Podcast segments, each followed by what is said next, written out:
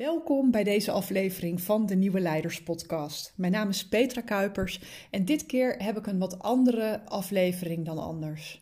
Normaal gesproken gebruik ik deze plek om mensen te interviewen die een bijzondere invalshoek hebben als het gaat om leiderschap, zodat de inspiratie daaruit kan dienen om je eigen leiderschap te verdiepen.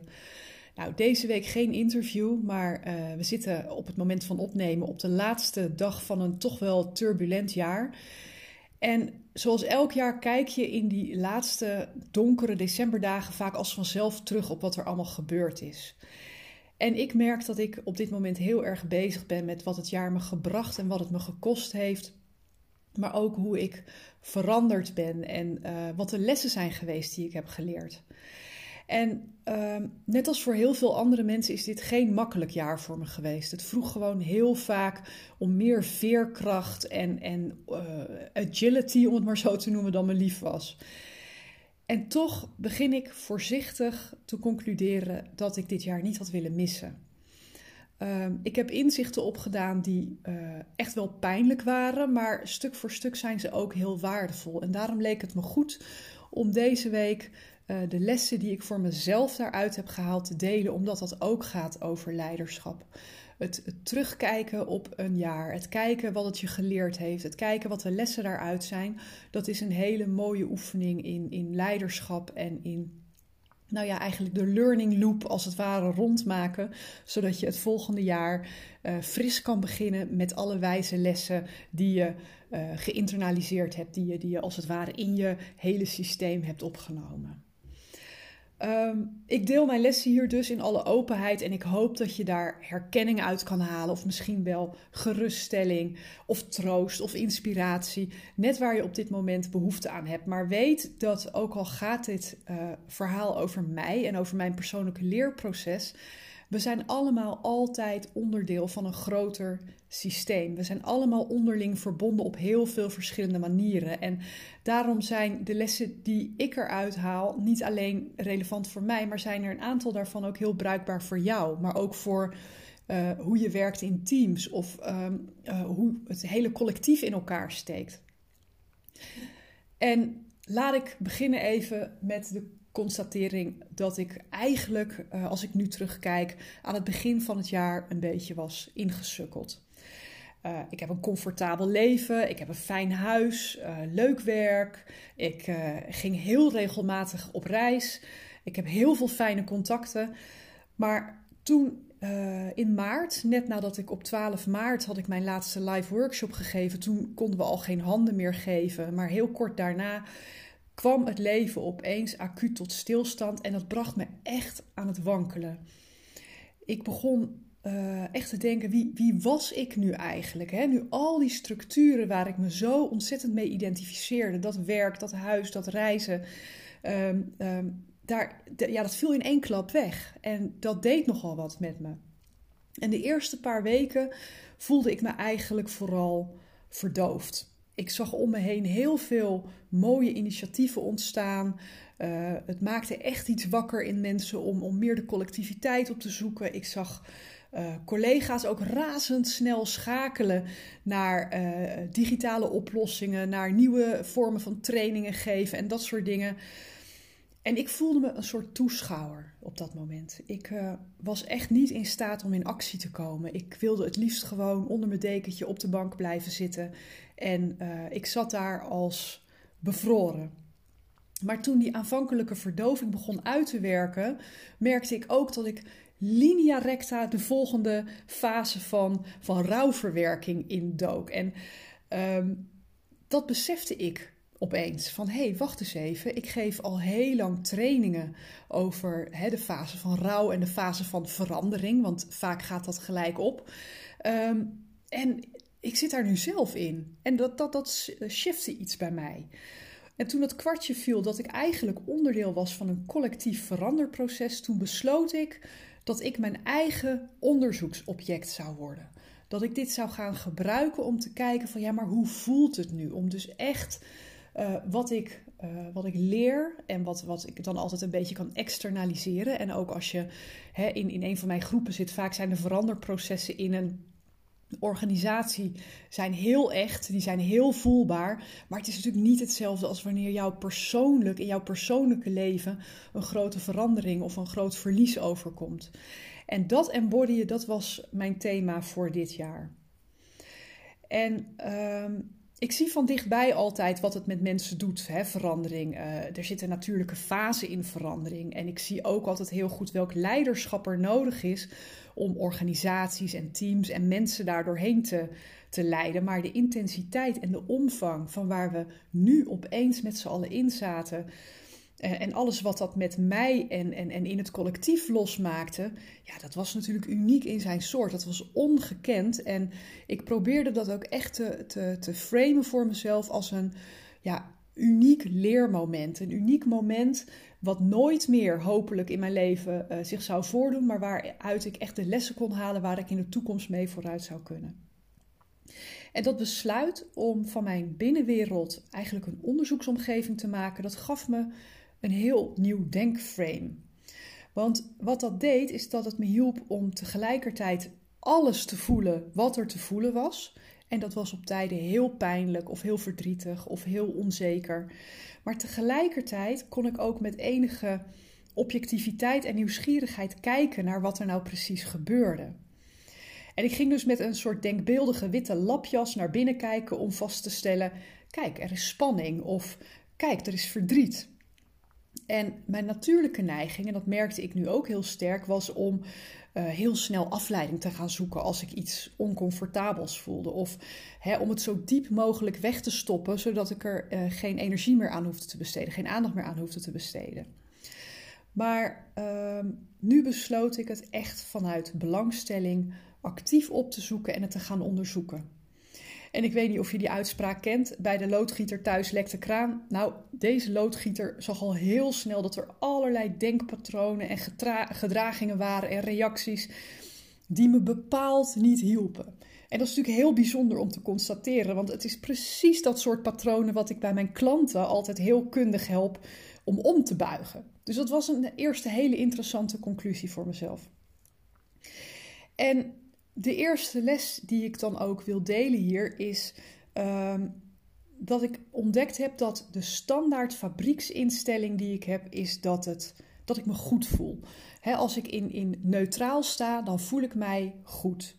Maar op het moment dat ik ongemak ervaar of angst of spanning, dan is dat eigenlijk een teken dat ik uh, op een niet-constructieve manier bezig ben met wat er aan de hand is. Ik heb gedachten of ik heb, ik heb verzet tegen wat er op dat moment aan de hand is.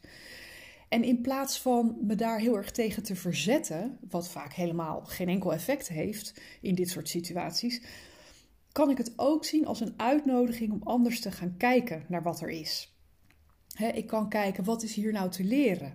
Uh, wat is misschien de les of het cadeautje wat hierin zit? En het bijzondere is dat op het moment dat je dat doet, voel je bijna in je lijf meer ontspanning en daarmee ruimte ontstaan. Dus dat was de eerste les voor mij uit 2020 die ik mee wil nemen naar volgende jaren. Maar wat zo mogelijk nog boeiender was, dat op het moment dat ik bewust opzocht uh, waar ik het in mijn lijf voelde. Hè? Want elke keer als je zo'n gevoel hebt van spanning, van verdriet, dan manifesteert dat zich ergens in je lijf. En als ik daar heel bewust naartoe probeerde te gaan en zelfs probeerde te meten. Uh, hoe groot het was en of het een kramp was of juist uh, een warm gevoel of prikkelend of wat dan ook. Zodra ik daarbij was met mijn aandacht, dan leek het binnen een paar minuten als vanzelf te verdampen. Terwijl wat ik tot dan toe altijd had gedaan, mijn natuurlijke neiging om het weg te stoppen, dat betekende eigenlijk alsof je een soort deksel op een hoge drukpan deed. Er kwam alleen maar meer druk op te staan, waardoor je het continu op de achtergrond als een programma mee had draaien. Het werd alleen maar groter. En mijn conclusie was dan ook dat pijn die je wegstopt, dat geeft stagnatie, maar pijn die je echt doorvoelt en waar je even bij blijft, dat geeft transformatie. En daar komt meteen de tweede les uh, vandaan die ik mee wil nemen naar volgende jaren. Als je helemaal erkent en, en voelt wat er is, dan verliest dat gevoel heel snel zijn invloed over je. Je lost als het ware de blokkade op. je haalt zeg maar zo'n grote boomstam uit de rivier, waardoor het weer kan gaan stromen en het dus ook een heel stuk behapbaarder voor je wordt. Nou, als dit jaar iets heeft blootgelegd, dan is het wel hoeveel interactie en onderlinge afhankelijkheid en relaties we wereldwijd hebben. Het was natuurlijk heel bijzonder om iets waarvan we dachten van dat is in China of misschien het is in Noord-Italië. Hoe ontzettend snel zich dat over de hele wereld heeft verspreid en dat er geen enkel land gespaard is gebleven. En dat geeft gewoon heel, of nou, dat maakt heel tastbaar dat we allemaal deel uitmaken van het systeem wereld. En binnen dat systeem wereld zijn er natuurlijk nog talloze andere systemen van uh, een, een, Europa tot een land, tot je regio, tot je straat, maar ook je, je, je organisatie, je afdeling, je gezin. Je maakt van allerlei verschillen. Dat zijn allemaal doorsnedes van systemen die allemaal als een soort van die Russische poppetjes in elkaar passen. En dat betekent ook dat de pijn die op één plek leeft, ook al is dat geografisch misschien heel ver weg, ons allemaal beïnvloedt. En wat dat dit jaar in ieder geval met mij heeft gedaan, is dat die spanning en die angst en die boosheid door de gebeurtenissen in de wereld heel erg voelbaar waren. de Amerikaanse verkiezingen, Black Lives Matter, uh, boze boeren, uh, Brexit, Pietendiscussie, mondkapjesplicht, lockdown. Wat je merkte is dat de collectieve stressreactie lontjes korter maakte, uh, polarisatie groter maakte en dat angst een steeds ja, toenemende macht kreeg als raadgever. Heel veel beslissingen werden genomen uit angst. En uh, een heel duidelijk terugkerend patroon van uh, deze thema's, die je veel zag, is dat er een, een hele stevige meerderheidsopvatting is die bepalend is voor de richting. laten we even bij uh, het virus uh, uh, kijken. Hier in, in Nederland is het RIVM en het Outbreak Management Team. Dat, dat, die geven eigenlijk de koers aan. Dat wordt door heel veel mensen gedragen. Dus daar komen de maatregelen vandaan waar we ons als collectief aan hebben te houden om het virus de kop in te drukken. En het minderheidsgeluid dat ook bestaat, dat wordt heel erg beschimpt of gewoon helemaal genegeerd. Hè? Mensen worden afgedaan als uh, niet helemaal goed, uh, als wappies, nou ja, noem het allemaal maar op. Dus daar zijn allerlei oordelen over. Maar het gevolg daarvan is niet dat die meerderheid uh, verstomt. Integendeel, wat je merkt is dat die onvrede steeds verder toeneemt en dat het geluid steeds luider wordt. Net zo lang totdat het wel gehoord wordt. Dus het wegstoppen betekent niet dat het weggaat. En wat dat mij leert is dat in plaats van denken in goed en fout en je volledig te richten op wat volgens jou goed is, helpt het om meer open te staan voor de wijsheid die ook in andere geluiden besloten ligt. Mensen hebben geen mening om te dwarsbomen. Uh, mensen zien soms dingen die jij nog niet ziet, omdat wij gewoon allemaal door een andere bril, door een ander filter naar de wereld kijken. Dus het andere geluid is een mening die ook leeft in dat systeem.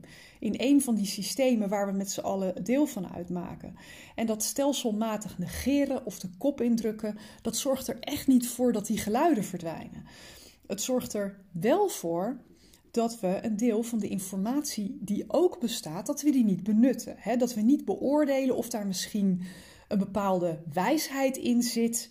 Ehm, die uh, van invloed kan zijn op de beslissingen die we nemen. Dus we uh, benutten als het ware de, de beschikbare informatie niet volledig. En dit jaar ben ik persoonlijk flink uitgedaagd op dit thema. Ik heb uh, familie in de Verenigde Staten die natuurlijk heel erg te maken hadden met de verkiezingen. Ik heb extreme voor- en tegenstanders van vaccinatie in mijn directe omgeving, in mijn vriendenkring. Uh, ik heb een paar zeer uitgesproken kennissen. En uh, soms is het oprecht heel erg lastig om uh, tussen zulke uitgesproken meningen in verbinding te blijven. En ik denk ook niet dat dat heel veel eenvoudiger wordt. Maar als ik probeer om het wat, wat uit te zoomen en het wat meer op metaniveau te bekijken, dan komt daar mijn derde les voor uh, uit 2020 voor de toekomst vandaan. En dat is namelijk dat als je tegengeluid stelselmatig wegdrukt, dan komt dat als een boemerang terug. Een wijs besluit dat betekent dat alle informatie die er leeft op zijn minst gehoord is en meegewogen is. En het is echt niet de bedoeling om dan met een, een, een slappe polderoplossing te komen. Maar wat dat doet, is dat je open staat voor alle beschikbare wijsheid. En niet alleen maar voor de, de, de dingen die in je eigen straatje passen. Dus dat voor de derde les uit 2020. We zijn geconditioneerd om grip te willen hebben op onze realiteit. En, en nou ja, het afgelopen jaar was in die zin één grote oefening in het loslaten van controle. Ik heb zelf tot vier keer toe gepoogd om op vakantie te gaan. En het is alle vierde keren is het geannuleerd. Uh, en de vraag die we onszelf eigenlijk zouden moeten stellen is niet wat moet er veranderen, maar wat wil er veranderen? Waar chaos heerst, uh, is de controle verdwenen. En weet je, misschien is dat wel precies wat er nu zo hard nodig is. we komen uit decennia waarin structuren en templates en protocollen en processen onze hele professionele realiteit bepaalden. En dit niet weten waar we nu in zitten, die leegte, dat biedt ook de ruimte om een, een nieuw soort realiteit te laten verrijzen als je kijkt naar de natuur na een, na een ramp, hè, ik noem een, aardbeving, een vulkaanuitbarsting, een overstroming, ehm, nou ja, een bosbrand. Die vindt uiteindelijk in, in het eigen grillige ritme altijd weer een nieuwe balans waar het ongelooflijk vruchtbaar is. En zo zal ook hier na de nodige turbulentie weer een nieuw evenwicht ontstaan. En dat gebeurt niet door veel meer te doen dan wat we al deden, namelijk overal hekjes en structuren omheen timmeren, maar juist door een keer bewust ruimte te durven geven aan dat wat er wil ontstaan. En wij mensen als onderdeel van de natuur, wij zijn prima in staat om met onze, al onze zintuigen waar te nemen wat er wil veranderen. Um, we zijn heel erg in ons hoofd gaan wonen, maar we hebben nog veel meer zintuigen tot ons beschikking om informatie tot ons te nemen. Maar daartegenover, we zijn heel erg getraind om steeds stukjes van die natuurlijke chaos onder controle te willen brengen. En wat er in feite gebeurt, is dat elke keer als we zo'n stukje chaos weer uh, uh, onder de duim hebben, dan ontstaat er buiten ons gezichtveld weer chaos op andere plekken. Dus je kan je sowieso afvragen hoe, hoe zinvol het is. En dat is mijn, mijn vierde les die ik voor mezelf heb opgeschreven uit het afgelopen jaar. Chaos is echt een natuurlijke staat. Het hoort helemaal bij een complexe en onvoorspelbare wereld. En um, leiderschap betekent in die zin dat je eerst zelf leert om onzekerheid te verdragen. Dus dat je er even bij kan zijn en kan Ehm, nou ja, doorvoelen wat het je wil vertellen, wat er wil ontstaan. Er ontstaat altijd iets vanuit chaos. Dat is een hele vruchtbare, uh, hele vruchtbare staat, zeg maar. En als jij dat zelf eenmaal ehm, kan verdragen, dan kan je vervolgens ook je omgeving daarbij helpen. Op die manier word je als leider veel meer een spaceholder van wat er wil ontstaan. En ehm, nou ja, doe je dus niet wat we normaal doen, het namelijk met, met wilskracht of met druk helemaal naar onze hand gaan zetten. Je merkt pas wat je mist als je het even niet meer hebt. En uh, dit jaar was natuurlijk echt uh, een confrontatie met hoe ontzettend veel we halen uit uh, het schouderklopje bij de koffieautomaat, een, een blik van verstandhouding tijdens een overleg, een knipoog in het voorbijgaan. Het is al die zintuigelijke informatie, maar ook al dat non-verbale contact wat we met elkaar hebben. En die, die we heel erg missen nu we alleen nog maar in een soort rechthoekige virtuele uh, hokjes met elkaar zitten. Hè? Of je nou in Zoom of in Teams of wat dan ook zit. Um, dat, dat stukje, dat, dat, dat voelen we dat we dat missen. En dat geeft ook uh, een gevoel van rouw, uh, brengt dat teweeg.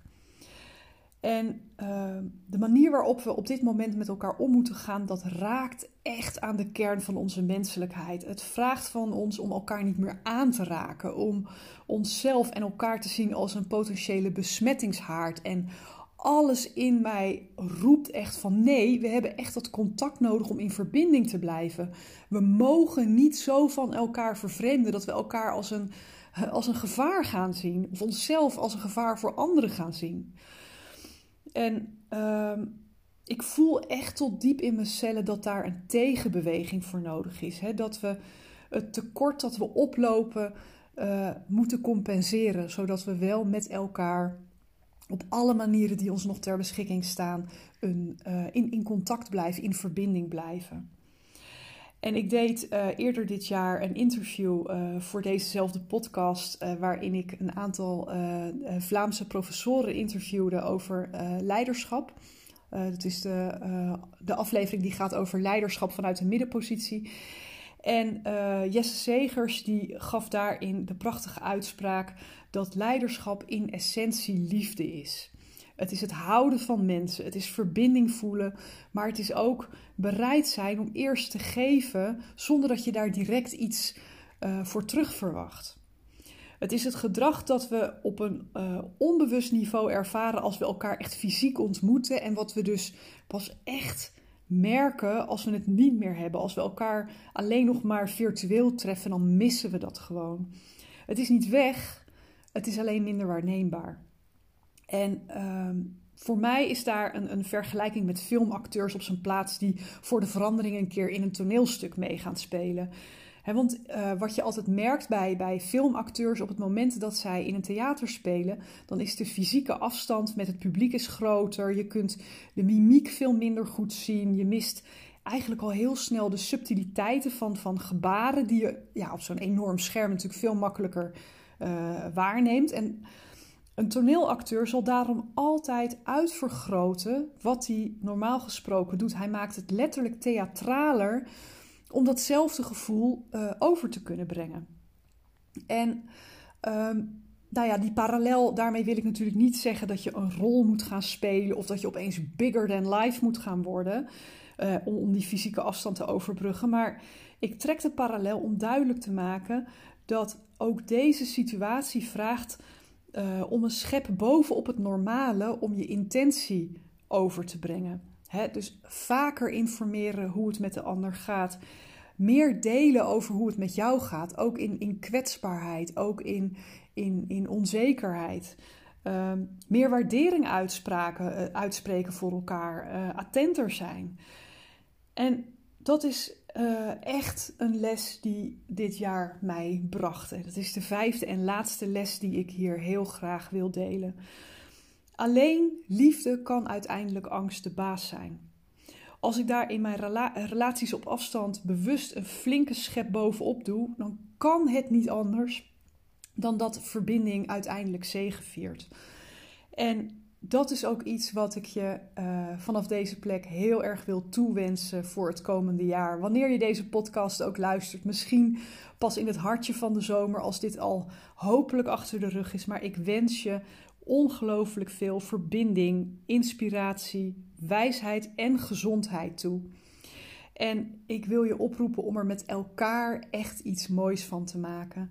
Dus uh, voor iedereen die dit ook echt op de laatste dag van uh, dit bijzondere jaar beluistert, um, proost er vanavond op. We hebben het met elkaar doorstaan. We hebben nog een weg te gaan, maar ik heb er alle vertrouwen in dat wij vanuit openheid en verbinding daar iets ongelooflijks mooi van, moois van kunnen maken. Ik wens je een ongelooflijk mooi einde van het jaar en een geweldige start van het nieuwe.